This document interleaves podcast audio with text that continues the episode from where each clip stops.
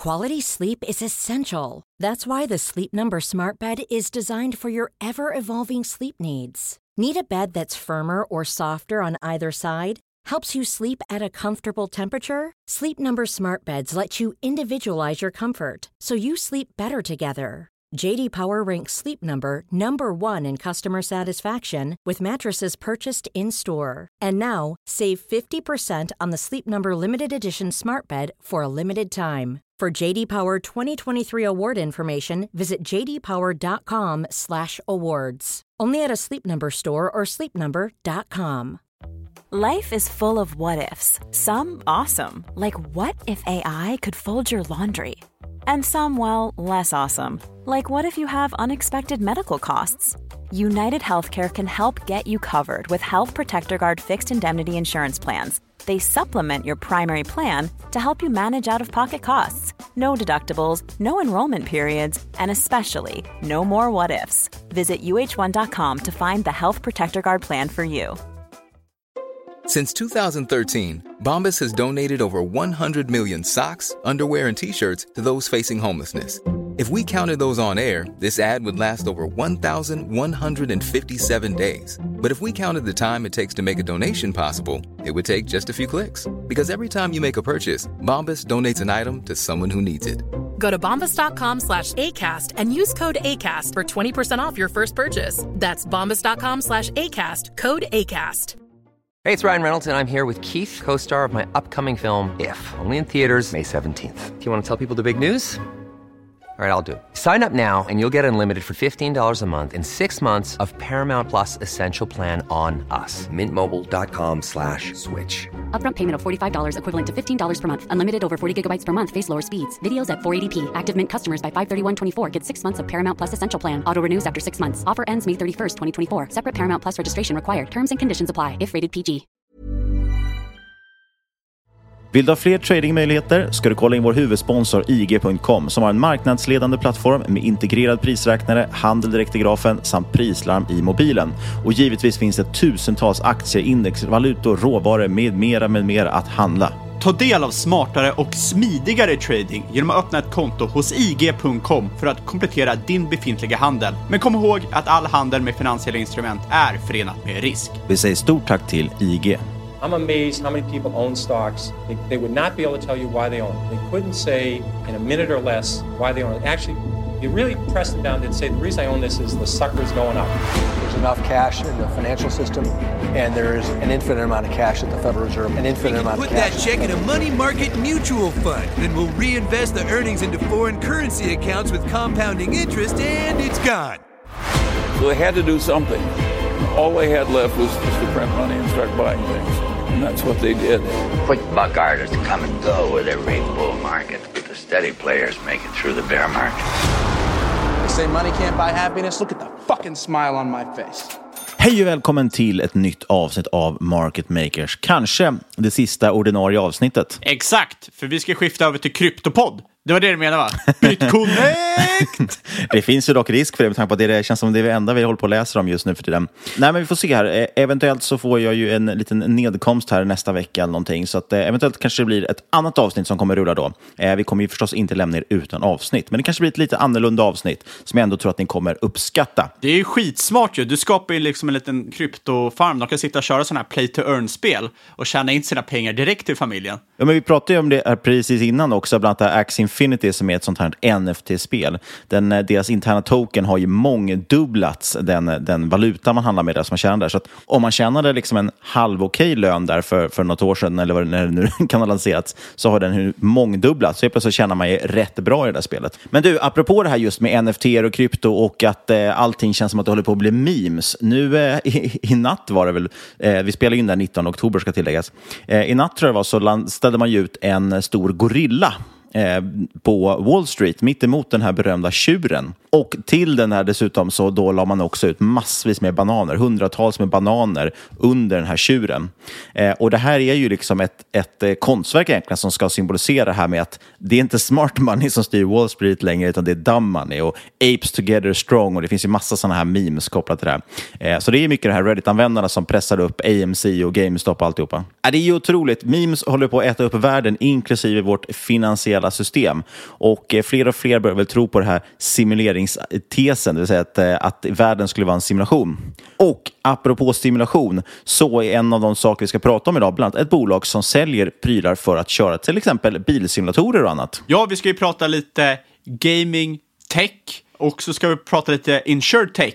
Så det är liksom blandad kompott här. För er som fortfarande är intresserade av aktier i den här kryptorallet som sker nu. Exakt. Ja, krypto är urstarkt, men aktier känns också som att det kan ha en ganska intressant höst framför sig. Det är ju som sagt den 19 oktober idag och idag har det varit ett stort återhämtningsrally får man ändå säga. Många Twitterfavoriter upp rejält, Evolution upp 5% någonting, Plaid upp drygt 10 Och det berodde på att Note, kontraktstillverkaren, lämnar sin Q3, måste det blivit idag, om de inte har brutit räkenskapsår. Eh, och de levererar ibland till Plaid och de brukar ofta då nämna i sina försäljningssiffror, eller i samband med rapport, eh, hur han liksom ja, men hur det har gått för de andra bolagen. Som sa att Plaids orderingång, eller Plaid beställer extremt mycket komponenter av dem, eh, puckar helt enkelt. Så det betyder ju antagligen att Plaid har bra försäljning. Eller det kan också vara som så att de fortfarande bygger lite lager för att inte drabbas av halvledarbristen. Oavsett i alla fall så gjorde det att Note drog upp typ 20% eller någonting och Plaid följde med på det eftersom Note då hintade om att det går bra för Plaid. Så det var roligt. Så det känns som det återhämtar sig. Och det man ska komma ihåg är att vi går ju ändå in nu i liksom hösten eller till och med vintern. Det kommer ju första snön idag tror jag i Sverige också. Fy fan. Eh, här var det 20 att, grader. Ja, men liksom vintern och det här är ju den starkaste säsongen på året. Det är den vi går in i nu. Tittar man på seasonality-mönster, alltså säsongsmönster, hur det brukar gå, så är det oktober och så vidare kan ofta vara skakigt. Oftast är det där gjort. Svarta måndagen var väl i oktober, finanskrisen drabbade väl som värst i oktober och så vidare, om inte nu min historia sviker mig helt. Eh, men efter oktober som brukar skakigt så är det oftast i princip rakt upp på vintern. Nu dock, såklart när alla tror det, så kanske det inte blir så, så ta inte det som någon form av garanti. Men man brukar säga att aktier är en vintersport. Dessutom känns det som att Q3 som nu kommer in här, de är ju på G nu, det har börjat komma en del. Jag tycker att de börjar se bra ut, eller de ser bra ut. Jag förväntar mig att det ska komma rätt mycket bra rapporter. Det man får hålla kanske ett öga på, som, som media kommer fokusera på i alla fall, känns som, och marknaden, det är ju det här med komponentbristen som vi pratar om. Eh, där vill man ju inte ha bolag som är alltför beroende av det. Med kanske undantag då. Ja, Plaid som sagt, de har ju bunkrat har de gjort för att kunna leverera. Eller så får man gå på bolag som kanske inte kräver halvledare överhuvudtaget, som typ Evolution eller vad det nu kan vara för någonting, gamingbolag och sådana saker. Så jag tror ändå att Q3 kommer bli ganska starka, men som sagt, allt handlar nu om guidance framåt. Det är mycket saker som folk är oroliga för. Samtidigt har vi lämnat det värsta liksom fear-territoriet. Man brukar ju mäta det här fear and greed, hur mycket rädsla eller girighet det är i marknaden. Och vi har ju lämnat värsta liksom rädsloterritoriet, men vi är inte riktigt inne på greeden.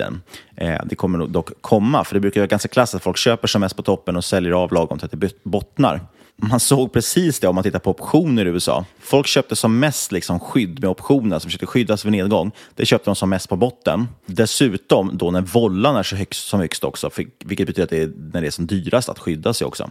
Samtidigt så är det väl klart att kanske, det kanske är det självspelande piano här. Det är det som kanske skapar botten också, att många börjar skydda sig och då är det svårt för det att gå ner ytterligare. Men som sagt, jag tror att får vi in starka Q3 nu, vilket jag tror, eh, ser guidance okej okay ut, börjar, då börjar sentimentet vända lite, då får man också förvänta sig att det kan bli ganska bra drag ändå förhoppningsvis. Eh, speciellt när de här trendföljande strategierna och alla andra börjar komma in och, och köpa igen på riktigt också. De förstärker ju alltid de här rörelserna på börsen, både på upp och nedsidan. Har du någon kommentar? Eller sitter du bara och kollar på krypto? Du förväntar dig bitcoin 100 000 innan årsskiftet, eller? Ja, bitcoin 100 000, ethereum ska dubblas. Eh, Solana ska tiodubblas. Ethereum ska väl in på femsiffrigt, är väl prognosen, som jag har förstått det. Ja, utan tvekan.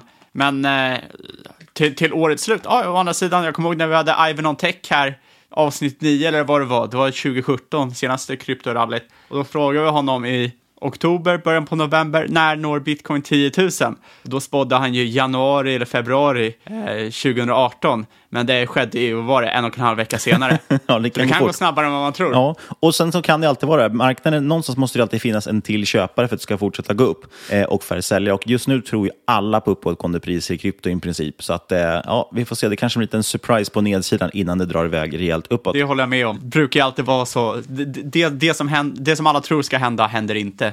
Exakt. Men du, oavsett vad som händer och vad vi tror kommer hända så är inte det någon rådgivning rekommendation i den här podden. Vi berättar om vår process, hur vi tänker, men du måste göra din egen analys och ta ansvar för dina egna investeringar. För glöm aldrig att alla investeringar är förknippade med risk. Ja, och är man intresserad av krypto, då ska man kolla in vår sponsor Norwegian Block Exchange. Och det är stora nyheter på gång där. Eh, ni känner redan till att de erbjuder säker och professionell handel av kryptovalutor på deras försäkrade plattform, godkänd av norska Finansinspektionen. Men nu kommer stora nyheter. De lanserar nämligen tre nya tokens. Det är Link, det är Matic och det är Uni som man kan handla nu, förutom de andra stora som Cardano, Ethereum, Bitcoin och så vidare. Och det känns ju mer spännande än någonsin att äga krypto just nu. Nu kommer den här bitcoin-ETFen som börjar handlas i USA. Det är historiskt. NFT-intresset är fortfarande väldigt stort. Coinbase nu ska börja erbjuda NFTs, vilket kan tänkas söka efterfrån på ethereum kraftet. Så att, vill du ha en stabil och som sagt fullt försäkrad handelsplattform för krypto, då kollar du in nbx.com mm, alltså nbx.com mm. Vi säger stort tack till Norwegian Block Exchange. Ja, ni har säkert sett den här äh, legendariska lilla filmsnutten när äh, Mark Minervi pratar om Upstart, att det är en av hans äh, största longs i portföljen. Eh, och sen frågar han, ah, men vad gör Upstart? Och så kunde han inte svara på det. Eller det var ju tekniskt strul som han sa. Så vi tänkte först snacka lite Upstart, men uh, det, det bolaget har ju en hisklig värdering. Vi, vi, kanske ska göra så att vi försöker klippa in det klippet här så att folk får lyssna på det lätt. Yeah, so well Upstart's up about 25% just in four days since we since we bought it. We bought it on uh, about four days ago. Uh, so that's actually made a, a nice little move in the uh, short term, probably a little extended right now, but longer term, uh, that that's a that's a, a good looking uh, name. Uh, very powerful, very strong earnings. These stocks are. What do they do? Really I don't well. even know them. What do they do? Uh, excuse me. What does Upstart do? Uh, well, I'm, I'm I'm I'm sorry. What kind of company is it? Yeah, I'm not. You're you're breaking up. Oh, Uh, well, I guess we, we've got an audio problem there, Mark. I'm sorry. I hans försvar så ska man väl säga att han sa i alla fall att han hade teknikproblem, att han inte hörde. Vi vet inte om det är sant eller inte. Eh, han är dessutom en, en välrenommerad, duktig investerare, som, som, eller trader ska man säga. Han är momentum-trader, så att det, jag, jag tycker inte att det spelar någon roll att han inte kan bolaget, men det är så konstigt att han inte kan säga att nej, men det spelar ingen roll vad de gör, jag ser att de går upp. Ja, precis. Och det är väl det så som många har tolkat, att han, han liksom försökte ducka frågan. Och det tyckte jag också är konstigt, varför inte bara äga att du inte vet? Eh, för att som sagt, det spelar ingen roll. Han har ju vunnit de här investerar, investerar-VM, eller vad det kallas för i USA, flera år i rad. Och så, så han är ju en liksom, erkänt duktig trader. Det är inte så att han, han fejkar det på något sätt. Men ja, supermärkligt. Det var också rätt kul. Det som var extra roligt var att hans, hans lilla fallout, om man ska säga, i sociala medier sen, han delade ut en, bild, eller en video på sig själv. Han satt i en Lamborghini, tror jag, gav fingret till kameran och sa “To my trolls” typ, och körde därifrån. och alla som frågade honom, då skrev han typ “Oh, do you have a vagina?” eh, Så att eh, liksom, beter sig som en, som en eh, barnsgris, eller vad säger man, mansgris och barn på samma gång. En liten bebis. Så det var ju extremt, extremt pinsamt faktiskt, helt och hållet. Men var det Upstart du tänkte prata om eller? Nej, för grejen är att Upstart har ju ett PS-tal på 123. Och då tänker jag, jag brukar inte dra mig för höga värderingar, men jag tyckte att ja, det var ändå lite väl Där går ändå gränsen. Där går ändå gränsen. eh, speciellt börsklimatet vi är i nu. Så jag kikar runt lite, finns det något liknande till en lite billigare värdering? Och det jag hittade var ett bolag som säljs för ett PS 2,5. Inte amerikanskt eller svenskt, utan tyskt. Eh, Och det är nämligen tyska JDC Group med ett market cap på cirka 320, 320 miljoner euro. Och det här är ett insurtech-bolag som satsar på att digitalisera den tyska försäkringsbranschen. Och eh, det tyckte jag var jäkligt intressant när jag började eh, läsa om det. Och grejen med... Det här är ju ganska klockrent överlag tycker jag. Alltid är det så att oftast kommer det ju, gärna en amerikansk, det är ganska vanligt, liksom stor marknadsledare på något nytt techområde. Och den blir då som du säger PS, PS20 och sånt brukar man kunna säga. PS100 är faktiskt extremt. Men, men i alla fall väldigt högt värderat. Och då brukar man ibland kunna hit, leta efter de aktörerna som gör egentligen samma sak i ett annat land. Det var lite som vi var inne på för några veckor sedan här när vi pratade om det, det grekiska Fortnox. Epsilon till exempel. Som jag för övrigt hörde, jag pratade med någon häromdagen på någon, en aktiepub i Stockholm, vilket var kul. Och han hade familj i Grekland och eh, grämde sig att han inte hade köpt Epsilon. För att, att de hade ju pratat med honom, de var ju redovisningsekonomer och hade liksom i flera år pratat med honom om att Epsilon är det största som har hänt i grekisk liksom, ekonomibranschen. Så att säga. Ja, och ni hörde det i Market Makers podd. Fan, helt otroligt. Nej, men så, så poängen är att leta efter någon som gör samma sak i ett annat land. Det kan vara väldigt, väldigt intressant. Ja, man, man, man, man får ju en roadmap och jag, vad jag har sett så tycker jag inte att JDC är lika utvecklade än som Upstart är. Men de är på väg och framförallt så har de ju mycket mindre konkurrens på den tyska marknaden. Tyskland är rätt underdigitaliserat konstigt nog fortfarande. Eh, och framförallt den tyska försäkringsmarknaden. Både underdigitaliserat men också väldigt fragmenterad. Eh, Snitthushållet i Tyskland har över 10 försäkringskontrakt med flertalet olika providers. Eh, och eh, det betalas typ 30 miljarder euro om året i rena avgifter, eh, försäkringsavgifter. Så det är en stor marknad. Och det som också är intressant är att endast 3% av tyskarna går direkt till försäkringsbolaget för att köpa sina kontrakt. Oftast går man till någon typ av mellanhand, en rådgivare, så snackar man till sig vad man ska ha för typ av kontrakt. Så det är sällan du går liksom till själva bolaget. Bolaget liksom lejer ut det här till olika typer av rådgivare på deras, liksom, typ på konsultbasis nästan.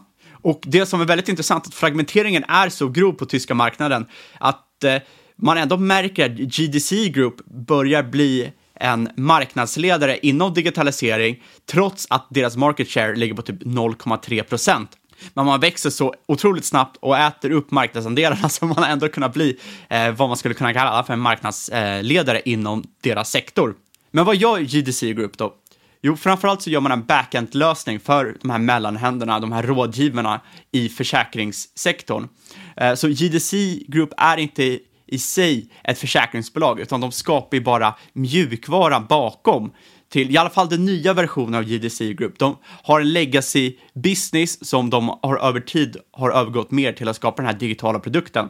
Eh, för det är så i Tyskland, i alla länder egentligen, men särskilt i Tyskland så är det mycket admin, mycket compliance eh, för att sälja och distribuera eh, försäkringar. Och det GDC gör, eh, hur deras plattform fungerar, är att det är som en hubb för Eh, hundratals försäkringsbolag att koppla upp sig mot som vill använda olika typer av rådgivare, olika typer av mellanhänder för att sälja sin försäkring, samt för rådgivarna som vill komma in och sälja försäkringar. Eh, och den här hubben då, då ICRM som det kallas, de etablerar de här kontrakten eller skapar de här kontrakten, dokumentering, workflows, de tar hand om kommissionen, eh, de skapar rapporter och bokföring i stort sett, det blir nästan som ett, eh, du nämnde ju Fortnox förut, men det blir nästan som ett Fortnox för insurance, eller för, för försäkring. Och för det här tar de cirka 25 procent av kommissionen som de här rådgivarna får. Och då kan man ställa sig frågan, varför skulle man betala det här? Det är ju sjukt mycket pengar. Jo, det är helt enkelt för att det är mer kostnadseffektivt att använda sig av GDCs plattform för att outsourca allt det här pappersarbetet än att göra det inhouse. Så det är alltså mer lönsamt att ge bort 25% av det man drar in än att göra allt det här pappersarbetet själv. Ja, det säger sig själv. Annars måste man göra det själv internt och då måste man kunna göra det för ett billigare pris. Mm. Och här får man väl en form av skalfördel. E exakt, så är det. Det sägas generellt kring både försäkringar och finansiella produkter överlag, och sådär, alltså finansiell rådgivning och sådana saker. Det är ganska lika branscher på, på vissa sätt. Eh, det har ju blivit extremt svårt för mindre firmor att klara sig just på grund av det administrativa. Så att, eh, samma sak med fonder och sådana saker. Många outsourcar ju allt sånt här idag. Och just nu har man ju cirka 20 000, ja, strax under 20 000 rådgivare kopplat till plattformen. Eh, förutom den tekniska plattformen har man tre andra avdelningar som drar in kunder och intäkter. Man har Advisor Tech som är rätt intressant. Det är en front-end-lösning som kan användas för att eh, bygga olika typer av digitala appar, wallets, eh, API-integrationer. Sen har man Geld.di som är en price comparison-sida och sen har man Finum som är ett typ av säljnätverk Um, och det är väl lite mer old school, det är inte det någon satsar 100% på nu för tiden. Men du drar ändå in lite pengar. Och det som är vä väldigt intressant här är det här Advisor Tech, där man har bland annat skapat eh, Allemans, som är ett digital försäkringsplånbok, där man egentligen kan ha full översikt över alla sina försäkringskontrakt. Det ger helt enkelt en konsoliderad vy över liksom alla försäkringar man har, hos liksom vart man har dem. Och det här är ju väldigt eftertraktat hos kunderna. Det som är intressant med JDC här då är ju att liksom hela deras approach till verksamheten. De inser ju liksom rätt snabbt att det är rätt oskalbart, att eh, det kostar mycket pengar att gå direkt till slutkunden. Eh, det finns ett citat som heter “Insurance is sold, not bought”. Det är väldigt få som aktivt söker ut försäkringar. Eh, du blir snarare att någon som plöjer på dig försäkringen och du tänker ah, fan det är nog bra att ha det här så köper du det. Det är sällan du sitter och surfar på kvällen, fan vad ska jag ha försäkring för mitt nya hus eller min nya iPhone eller vad som helst. Så det de gör är att de har ju skapat ett eh, API som man säljer in mot de som säljer till slutkunden. Det är alltså en B2 B2C-modell här. eh, och eh, det är helt enkelt allt de satsar på just nu. B2 B2C och minskar eh, liksom legacy business där man satsade mer på direkta partnerskap, vilket är otroligt smart som det ökar ju som sagt skalbarheten i det här företaget och i deras digitala produkter. Eh, man har några key partnerships, man har eh, eh bland annat med till exempel Volkswagen Bank, BMW, eh, Albatross som Lufthansas inhouse-försäkring. Och grejen här är att, liksom att de använder ju JDCs digitala produkter till sina egna kunder. Så att det är inte JDC som går och pitchar, pitchar sina produkter här. Eh, man signade nyligen till exempel eh, eh, Provencial som är försäkringspartner för cirka 120 sparbanker i Tyskland för en ny digital försäkringsprodukt. Och eh, Provincial själva förväntar sig att om de får en 5-10% penetration på den här produkten så, eh, så, är pot- så är potentialen cirka 100 miljoner euro om året. Och det här är väldigt håsigt, man ska ta det med en nypa salt, men det är väldigt intressant för ett bolag som nu drar in cirka 100 miljoner om året totalt. Så att det är mycket eh, potentiella triggers som ligger bakom det här bolaget i de här nya kontrakten. För många är fortfarande i relativt tidig stadie. Det tar lång tid för de här kontrakten att eh, utvecklas och visa sin fulla potential. Mycket optionalitet helt enkelt. Eh, de har en del konkurrenter. Huvudkonkurrenterna är ju de här gamla försäkringspoolerna, alltså här kollektiva eh, pooler av tillgångar från flera försäkringsbolag som används för att liksom minska eh, risker och, och, och så vidare. Vä väldigt legacy. Eh, och där tävlar man såklart om rådgivarna. Det här tävlar man liksom om B2B-branschen. Eh, och eftersom det är en sån fragmenterad bransch så kommer man troligtvis det man kommer se framöver är att några stora aktörer, inklusive JDC, kommer konsolidera den här marknaden eftersom den är så otroligt fragmenterad för att få en ännu större market share. Eh, och så finns det såklart eh, direct to consumer då som liksom inte går mot business som eh, eh, JDC gör. Så till exempel Tencent backade Clark. Direct to consumer eh, som sagt, men de klarade faktiskt inte av sin B2B-satsning. De tävlar inte direkt med eh, JDC. Och det som är väldigt intressant med JDC allmänt är att trots att det är ett gammalt bolag, det är inte så stort, så är det inte pilotskolan här. 12 procent av aktierna ägs av management. Hoppar vi in på siffrorna lite snabbt då. Eh, omsättningen växte 20 procent i Q2. Eh, det är alltså 20 procent year on year. Eh, ebitda växte 60 procent year on year. 20 procent då, year over year omsättningstillväxt. Man undrar ju hur det står sig mot till exempel Upstart då, som värderas till över PS 100 som vi pratade om tidigare. Ja, uh, Upstart, det, framförallt måste man ju tänka på att det, de har en lite mer, i alla fall enligt mig, mogen lösning. Eh, lite mer etablerade. Market cap för dem är ju 28 miljarder dollar. Eh, mångdubbelt större än de här 300 miljoner euro som eh, JDC ligger på och de har en tillväxt på cirka 40 procent. Framförallt måste man tänka på att Upstart har ju varit digitala sedan start medan eh, JDC skiftar ju från legacy business till att bli allt mer digital. Så det man ser är ju en eh, intäktsacceleration, man ser en marginalexpansion som är otroligt intressant och som eh, gör ju att det här bolaget kanske just nu är lite missförstått, lite underupptäckt och lite underanalyserat. Ehm, det som också är intressant är att management, de har ju som mål att dubbla omsättningen till 2025 ehm, och det här är helt på grund av omställningen mot den digitala produkten. Och det som också är intressant, det här är egentligen utan att ta hänsyn till till exempel eh, provincialkontraktet. Ehm, så det här är liksom vad man ser just nu innan det gick igenom. Men vad betalar man för det här bolaget? Som sagt, PS 2,5. Eh, man har just nu negativ vinst eh, på grund av att man har investerat tungt i digitaliseringsprodukten. Förlust brukar det kallas också, dagligt. Förlust heter det. man ska ju alltid försöka få det att låta lite bättre än vad det är. EV, EV ebitda eh, 60, bruttomarginal 26. Så att kollar man det på en snapshot just nu så ser det inte så attraktivt ut, förutom då PS-talet. Men kikar man då på omsättningen per första halvåret 2021 så låg den på cirka 68 miljoner. Eh, med den accelererande tillväxten är det inte svårt att se att man kommer nå cirka 150 miljoner för hela året. Att det fortsätter rulla på, att man kanske växer liksom, eh, om man, i sitt eh, base case med 20 procent de kommande åren. Man ser marginalexpansion, ebitda-marginalen lär ju kunna i alla fall nå låg lågt tvåsiffrigt, ja då sitter man här på ett bolag med ebita 20 för ett bolag som växer 20. Ja, det låter rätt bra. Det låter lite som en Peter Lynch eh, GARP-aktie. Och det som är intressant, du nämnde ju förut, kolla på de här eh, etablerade aktörerna i till exempel USA eller Sverige och se hur de, om det finns någon typ av roadmap där för hur andra aktörer kan copy-pasta in i andra marknader. Något annat som är också intressant att kolla på marknaden eh, när det kommer till digitalisering och se, finns det några andra exempel av digitalisering och hur det har gått där? Eh, Ett exempel är till exempel tyska Hydroport som digitaliserade den tyska lånesektorn i, eh, i Tyskland, höll jag på att säga, men det är ju självklart när de digitaliserar den tyska lånesektorn. I Uganda. I Uganda, exakt. Eh, Men de blir i alla fall snabbt en marknadsledare.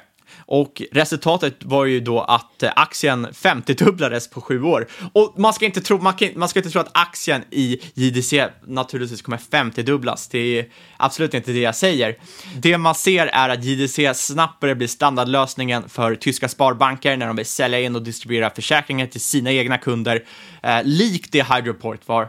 Så att eh, om man bortser från eh, den här stockprisen och aktie, aktiekursen så är det ju inte helt otroligt att man kan säga att JDC gör en liknande eh, resa som Hydroport har gjort. Och det är såklart håsigt när man pratar om eh, eh, liksom aktiekurser och eh, framförallt så har ju JDC dubblat en del. Men jag tycker det ger en relativt god fingervisning om vad det finns för möjligheter i sån här typ av bolag på en sån här typ av marknad. Ja, sagt. men så kräver det också som du säger att, att stjärnorna står lite rätt så att säga. De, de har ju dock en väldigt god grogrund för det. Men det är ju en hel del saker som ska till där för att det ska gälla. Innan vi går vidare, har du något eget innehav? Jag äger inte några aktier i Upstart i alla fall. Nej, vad säger jag? JDC äger jag inte. Eller Upstart för den delen. Nej, jag, jag äger inga. Jag, jag har suttit och funderat på det fram och tillbaka. Ehm, men det, det är så jäkla klurigt nu. Man har ju sin... eh, Man ska ju lägga i sina bästa case. Du, du mäter all alternativ kostnad mot ethereums uppgång, eller? Ja, hu- hu- 100 procent. Jag, jag sitter mycket... Jag, jag, Jag- jag såg en sån Twitter-tråd idag eh, av en väldigt duktig kryptofantast. Jag ska inte nämna vad han heter nu, för en del kommer tycka att det här låter helt galet. Är det Jugge Trader Eh, eller? Ja, precis. Men han skrev ju att eh, han räknade med att hans ethereum, det var det hans cashposition som han såg det. Och där räknar han ju med 150 procent plus nu kommande året. Då var det så här, finns det några andra case som kan slå det? För att det, det är hans alternativkostnad att investera i, att annars kan han få 150 procent ethereum. Så det är haussigt ändå. Eh, eh, exakt, och jag, jag tror ju liksom så här att eh, jag ställer faktiskt också många av mina case mot just ethereum. Jag kanske inte är precis lika HC och jag vill inte säga liksom någon exakt slut. Liksom så här, eller jag, jag ska inte säga vad jag tror procentuellt det kommer gå upp in, in, the, in the short term, men eh, jag, jag har väl blivit biten lite av ethereum-tåget senaste, senaste tiden också.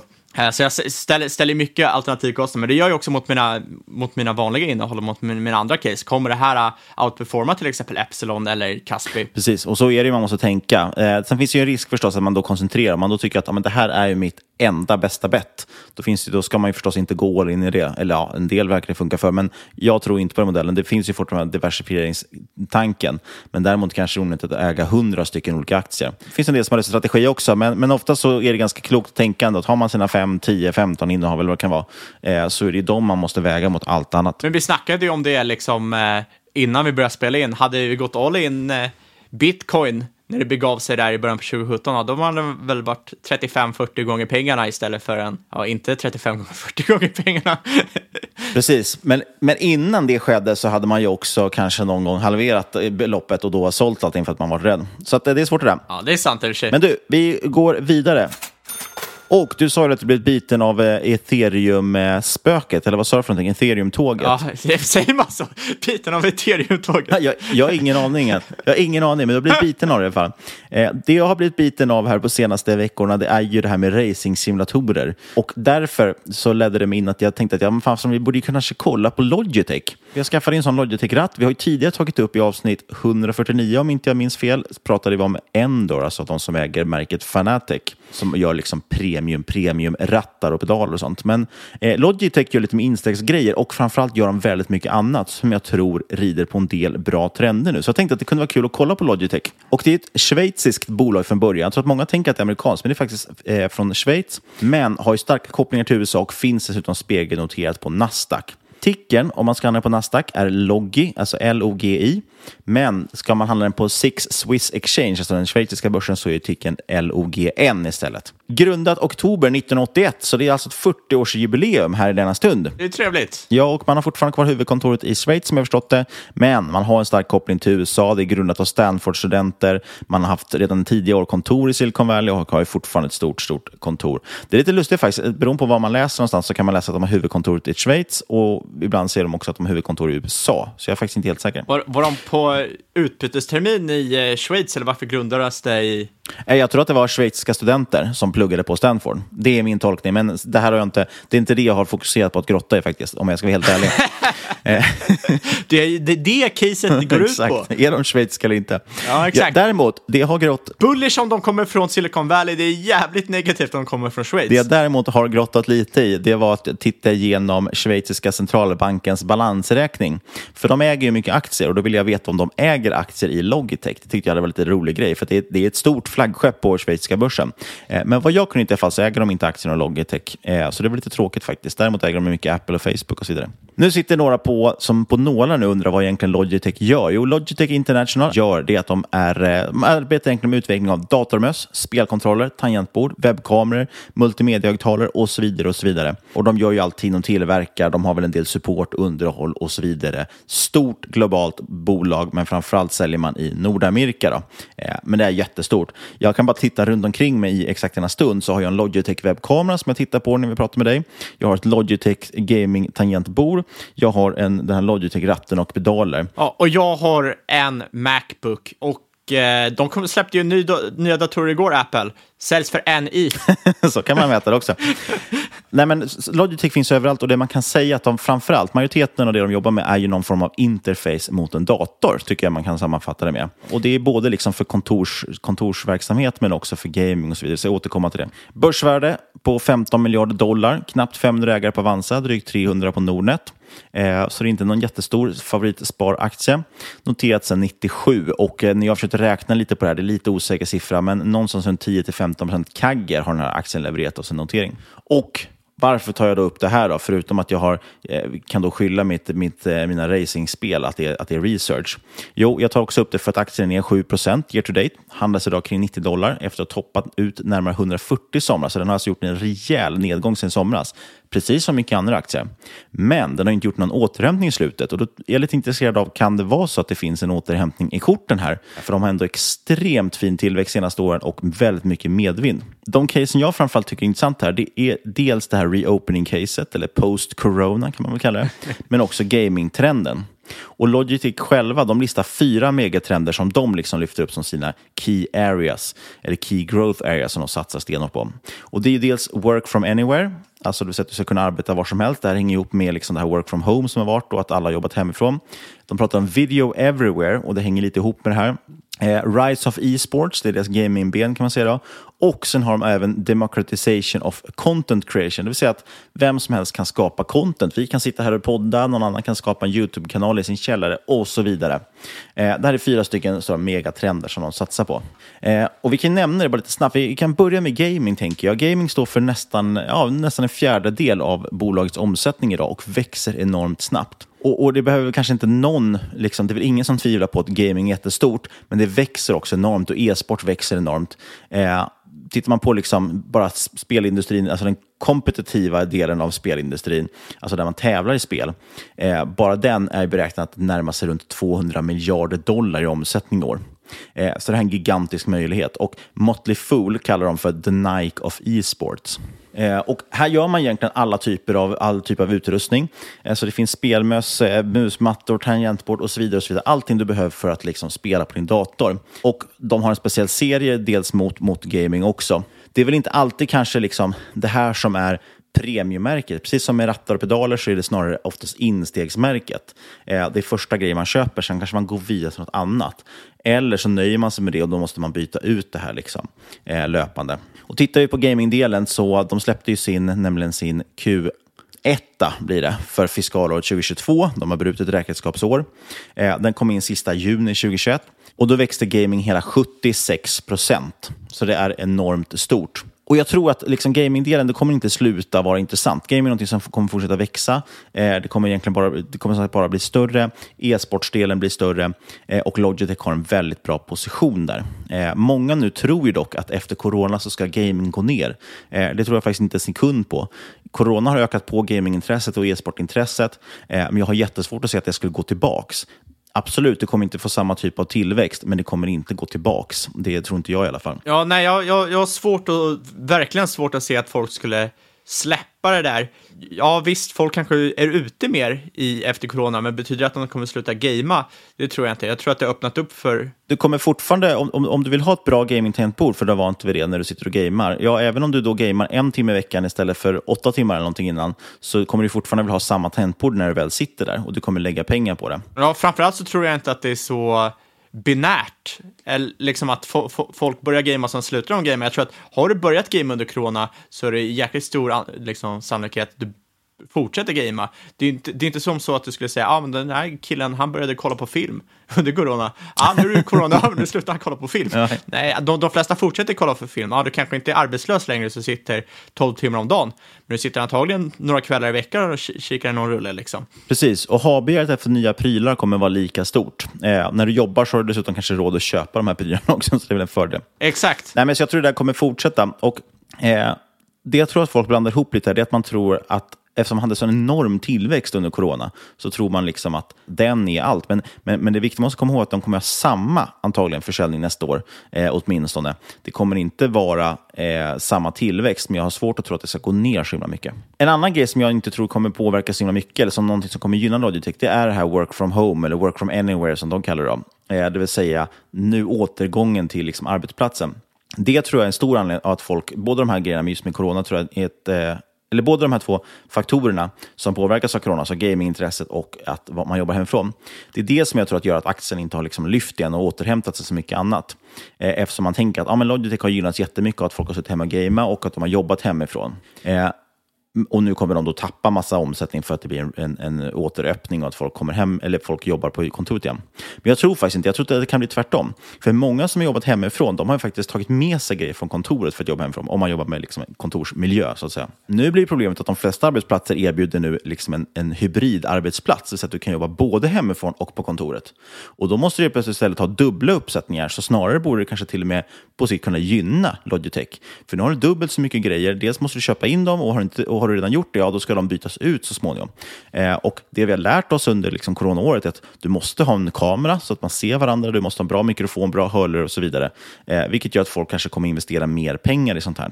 Dessutom vill man ha schyssta grejer hemma också när det gäller mus, tangentbord och så vidare för, för ergonomi och så vidare. Så jag har jättesvårt att tro att eh, det kommer vara så att det, det liksom kommer bli mindre av det här. Däremot, återigen, det kanske inte kommer bli samma typ av försäljningsökning, men det kommer fortfarande finnas ett stort behov av att ha prylar hemma också. Så jag tror inte att, att det här att Logitech kommer drabbas, liksom, att man öppnar upp igen och börjar jobba från kontoret. Vi kommer ju ha hybridarbetsplatser eh, och jag tror man kommer fortsätta komma gynnas av det. Och tittar man då på hur stor del av omsättningen här, då kan vi säga att eh, pointing devices, alltså möss och varianter av det, är ungefär ja, lite drygt 10 procent av omsättningen. Eh, tangentbord ungefär 15 procent av omsättningen och webbkameror 8 procent. Så slår vi ihop det här så har vi ungefär ja, 30-35 procent av bolaget eh, som hör till det här. Och det är två av de här delarna. Sen pratar de själva om det här med video everywhere och democratization of content creation. Jag har inte liksom grottat ner mig så mycket i det, men jag kan nämna det att de bitarna, tittar vi på video collab som de kallar det till exempel, det står för ungefär en femtedel av bolaget. Eh, sen har vi även det som är signifikant att lyfta, är kanske audio and wearables som är nästan 10 procent och tablet och en accessory som också är ungefär 10 procent. Sen har de lite andra delar som jag ska komma in på, att som de håller på dock att avveckla lite grann.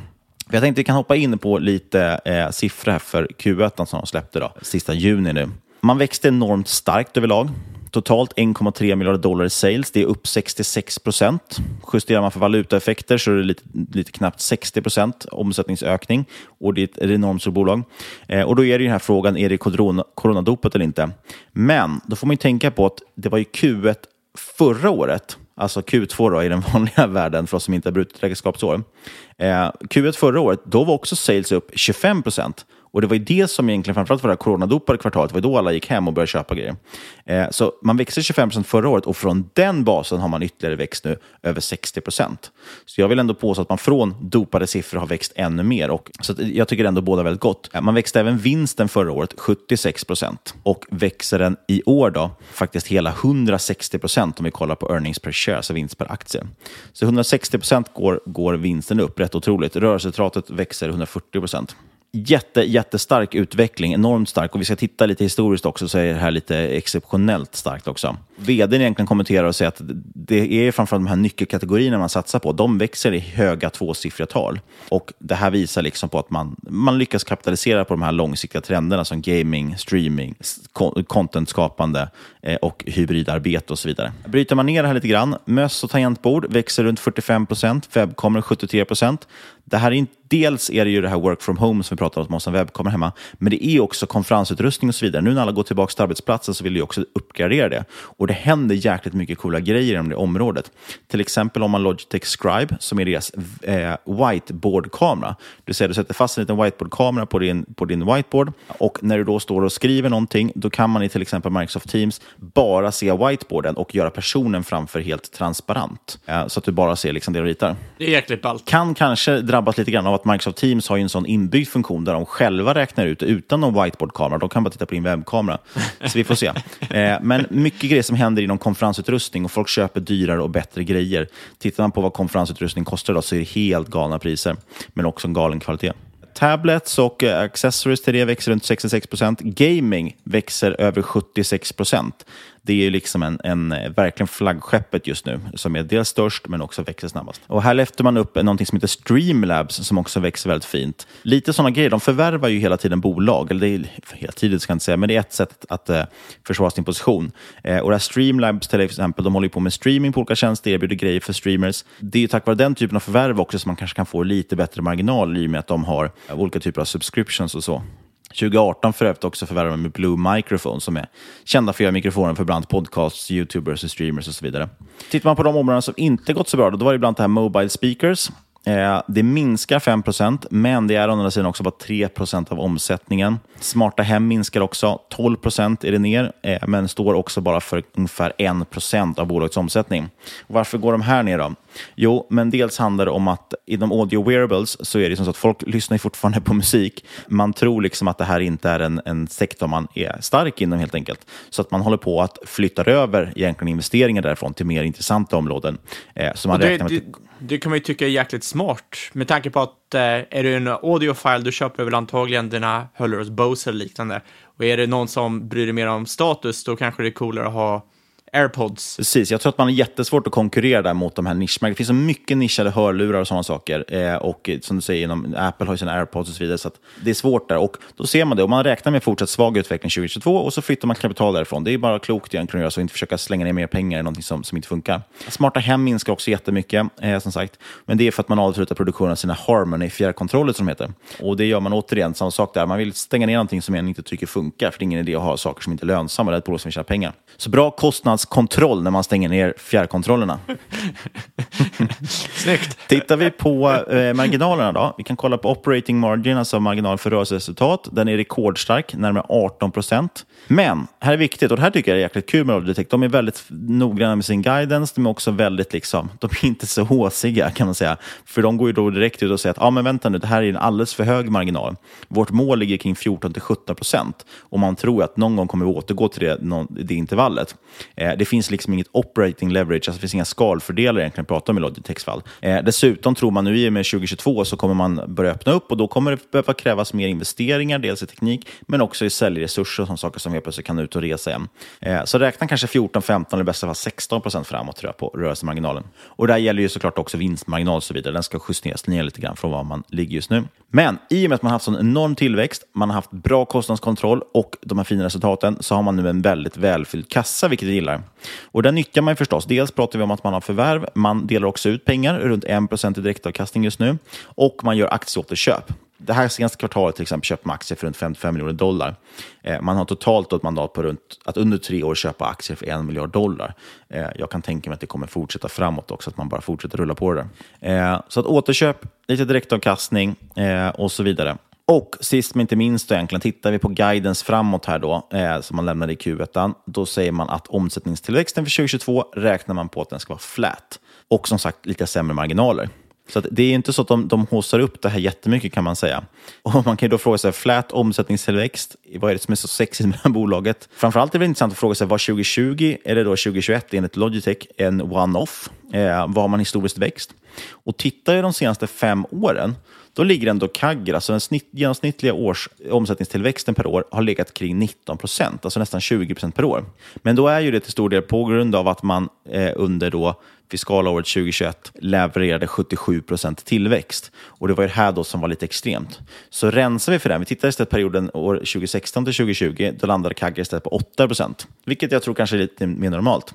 Men sen har vi ju då case att vi lär fortsätta ha lite mer medvind tack vare de här megatrenderna. Eh, 2021 kommer, eller förlåt, 2022 då i dess fiskalår kommer komma in ganska mycket bättre än snittet tror jag också med tanke på att man redan nu växer så otroligt mycket. Eh, som sagt, EPS växte över 160 procent, omsättningen över 60 procent. Så man har redan liksom full fart in i 2022. Så ett, ett snitt tror jag framåt, det är snarare kanske 2022, låt säga att vi landar på 30 procents tillväxt eh, och sen kanske 10-15 procent framåt. Jag tror ändå jag är lite mer optimistisk än vad, vad Logitech själva är. Får se om det kommer kosta med i slutändan. Så jag tycker ändå det är ganska intressant för att man sen då för det här kalaset betalar ungefär P 15 på rullande 12. Det får man ändå säga ganska billigt för något som växer 10-15% och i år kanske till och med växer då 30%. Tittar vi på innevarande år, alltså vi avslutar det här året som ligger inne nu, eh, så kanske P 13 då, så kommande 12. Liten kul detalj också, så att eh, 7,5 procent ungefär av free floaten är kortad. Alltså vi har blankare då, som är inne i 7,5 procent av free floaten. Förstår inte riktigt vad de har gjort, eh, vad, vad grejen är där, men det kan ju vara någon trendföljande eller vad som helst. Men kan vara värt att hålla koll på också. Och man kommer nu ganska snart med nästa rapport, Q2 för år 2022, 26 oktober. Så det kommer här under nästa vecka. Det spännande. Logitech kan vara ett lite värdig case och framförallt ett sätt att eh, exponera sig mot gaming och e-sport på sätt och vis. Eh, sagt, en fjärdedel av bolaget ligger där och det växer extremt snabbt, så det kommer bara bli större och större del av bolaget. Ja, framförallt är det ju en jäkligt schysst prislapp på bolaget också. Ja, men precis. Jag tycker det är ganska billigt ändå, för man får, det är ändå en, en ja, intressant bolag. Som sagt, vi, vi letar ju mycket, det är många som frågar efter case kring e-sport och, sådär, och, och gaming överlag. Och det här kan väl kanske då vara ett litet ett play på att man köper då hackar och spadar, så att säga. Eh, för att när folk gamar så behöver de också prylar för att gamea med. Och snabbt innan vi avslutar så kan jag bara säga att jag äger inga aktier. Har du någon form av innehåll i Logitech så vi transparenta med det? Inget eh, in innehav i Logitech, dock väldigt intressant bolag. Och med det rundar vi av tycker jag. Inget du har hört i den här podcasten ska ses som rådgivning. Alla åsikter, vår ena Elvegäst och eventuella sponsorer tar inget ansvar för det som sägs i podden. Tänk på att alla investeringar är förknippade med risk och sker under eget ansvar. Vi riktar ett stort tack till IG.com och NBX. Kontakta oss jättegärna på podcast.marketmakers.se om du har några frågor eller på Twitter at marketmakerspod. Och lämna jättegärna en recension på iTunes. Det betyder jättemycket för poddens spridning. Och sist, men absolut inte minst, Tack för att du har lyssnat, kära lyssnare. Vi hörs igen om en vecka.